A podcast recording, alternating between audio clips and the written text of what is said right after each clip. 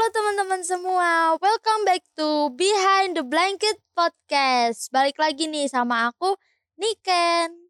Iya ini adalah podcast kedua aku. Oh my god, aku seneng banget. Akhirnya aku bisa ada waktu buat rekaman podcast ini. Soalnya kayak aku memang bener-bener sibuk akhir-akhir ini. Ya walaupun sibuk gak ngapa-ngapain, tapi intinya aku sibuk.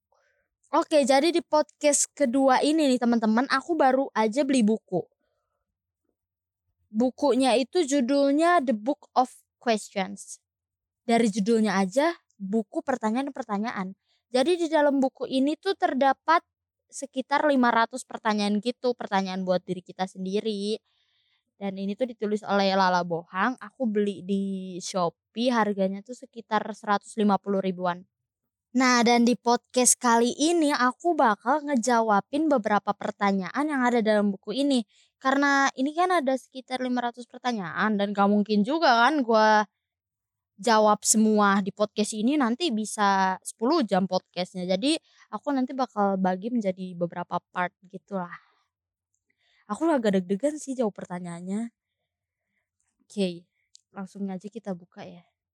Oh ya buat temen-temen juga kalau bisa nih sambil denger sambil jawab sendiri nanti pertanyaannya dalam diri dan benak teman-teman sendiri oke? Okay? kalau mau jawab di private chat juga nggak apa-apa kirim ke gua. Tapi enggak itu kan privacy. Oke okay. jadi di halaman pertama nih ada cara bermainnya. Kita langsung baca aja. Yang pertama itu raih buku ini raba dan rasakan material sampulnya di kulitmu. Oke udah nih udah gua raba.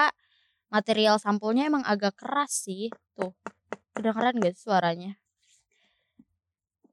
Bukunya tuh wangi gitu loh wangi buku. Ya iyalah kalau wangi kaki beda itu sepatu. Yang kedua nih pejamkan mata pusatkan seluruh energi ke buku. Oke gue pejamkan mata nih. Terus gue udah mempusatkan semua energi gue ke sini nih ke buku ini. Sampai sampai sampai gue gak ada energi lagi sampai gue lemes. Yang ketiga ketika waktunya terasa tepat buka buku secara acak sesuai dengan intuisi. Oke gue rasa ini waktu udah tepat berarti nanti kita bukanya secara acak ya. Pertanyaan mana yang keluar itu berarti yang kita jawab. Jawablah pertanyaan dengan jujur kalau udah siap. Iya gue jujur kok nanti gue gak akan bohong. Paling gue sensor aja sih. Jika kamu bermain dengan orang lain lakukan secara bergantian. Karena gue main sendiri ya udah. Gak usah ganti-gantian. Oke langsung aja kita buka ya teman-teman. Teman-teman juga di kalau lagi ngedenger nih sambil jawab sendiri ya pertanyaannya.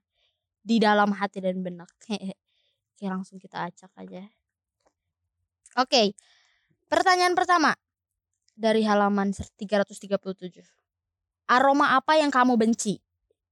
Jujur kalau secara pribadi saya sangat tidak suka bau-bau bau-bau makanan basi gitu loh kayak nasi udah basi, nasi dari kemarin. Pokoknya makanan basi itu baunya nggak enak banget. Sumpah benci banget, gak enak. Selain bau sampah, bau makanan basi itu lebih nggak enak makanya gue tuh kayak parno setiap makan apalagi kayak nasi yang udah agak dingin tuh gue selalu cium dulu. Kayak ini nasi udah bau apa belum sih? Gitu. Karena emang gue bener-bener gak suka sih sama bau-bau makan yang udah basi tuh bener-bener gak enak aneh banget sumpah. Oke pertanyaan selanjutnya. Pertanyaan selanjutnya nih dari halaman 149 siapa yang selalu mengingatkanmu? Diri sendiri sih karena di saat ingin melakukan sesuatu tuh pasti kayak ada remindersnya gitu dari dalam diri. Kayak oh kalau kamu ngelakuin ini nanti kayak gini loh dampaknya. Kalau kamu ngelakuin kayak gini nanti dampak orang lain sama ke kamunya kayak gini loh. Pasti kayak ada pengingatnya gitu sih diri sendiri jawabannya. Oke kita buka pertanyaan selanjutnya dari halaman 297 usia berapa yang paling kamu takuti Buset.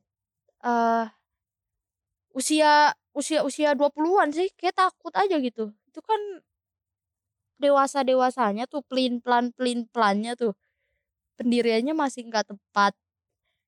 Jadi di umur segitu aja sih takut kayak sekitar 20, 21 atau 23, 22. Pokoknya sekitar 20 sampai 23 tahun itu kayak tah mengapa rasa takutnya udah ada dari sekarang padahal belum kita buka pertanyaan selanjutnya. Awas aja nih pertanyaannya aneh-aneh. Oke, di halaman 177. Untuk apa kamu berdoa? Uh, selain biasanya minta juga aku tuh biasanya mengucap syukur apa atas apa yang dimiliki hingga sampai saat ini. Intinya berdoa untuk diri sendiri, orang di sekitar, masa depan, orang-orang yang dikasihi dan disayangi. Oke, next pertanyaan selanjutnya dari halaman 333. Masakan ibu yang selalu kamu rindukan? Gue kangen banget mama gue masak cumi nggak tahu kenapa karena kayak udah lama juga sih nggak makan cumi. Soalnya cumi masakan mama tuh kayak enak banget. Entah ngolahnya pakai bumbu apa tapi terasa enak banget. Itu kayak masakan mama yang paling enak. Karena cuma gue doang yang makan di rumah gak ada yang suka cumi. Halaman 33. Mengapa kamu masih memikirkan dia? Hmm, dia siapa nih? Buku jangan so tahu kamu ya. Iya sih, tapi masih agak memikirkan dia sih. Saya kayak, kenapa ya? Harus dijawab kan nih pertanyaannya? Ya kadang masih mikirin gitu kayak kenapa harus dipertemukan dan kenapa harus berakhir. Ang sensor. Oke, kita buka halaman selanjutnya. Halaman 87. Keadaan seperti apa yang membuatmu berpura-pura? Di saat kita terdesak, kita harus berpura-pura. Nih gue kasih contoh ya, gue kasih contoh. Misalnya kita lagi jalan di satu tempat yang baru gitu, kayak baru kita kunjungi. Itu kita harus pura-pura tahu jalan. Karena kalau kita terlihat bingung, itu bisa aja dibodohi sama orang-orang di sekitar. Karena mereka tahu kita pendatang. Jadi di momen itu kita harus pura-pura so tahu jalan. Pokoknya yang penting kita jalan dan jangan kelihatan bingung. Itu momen paling pura-pura sih. Sebenarnya gue juga panik takut tersesat tapi enjoy aja pura-pura tahu aja nih padahal di HP Google Maps atau enggak Gojek itu tuh gue pura-pura banget pura-pura so tau gue so tau jalan itu yang masih sering gue pakai sampai sampai sekarang deh Oke, next pertanyaan selanjutnya di halaman 227. Apa kegunaan tabunganmu? Jujur untuk saat ini tabungan yang saya miliki itu untuk membeli sesuatu sih. Karena kayak misalnya nabung bulan ini buat beli ini nabung bulan ini buat beli ini. Nggak pernah nabung buat oh ini nabung buat nikah gitu. Enggak karena belum juga sih menurut saya masih jauh.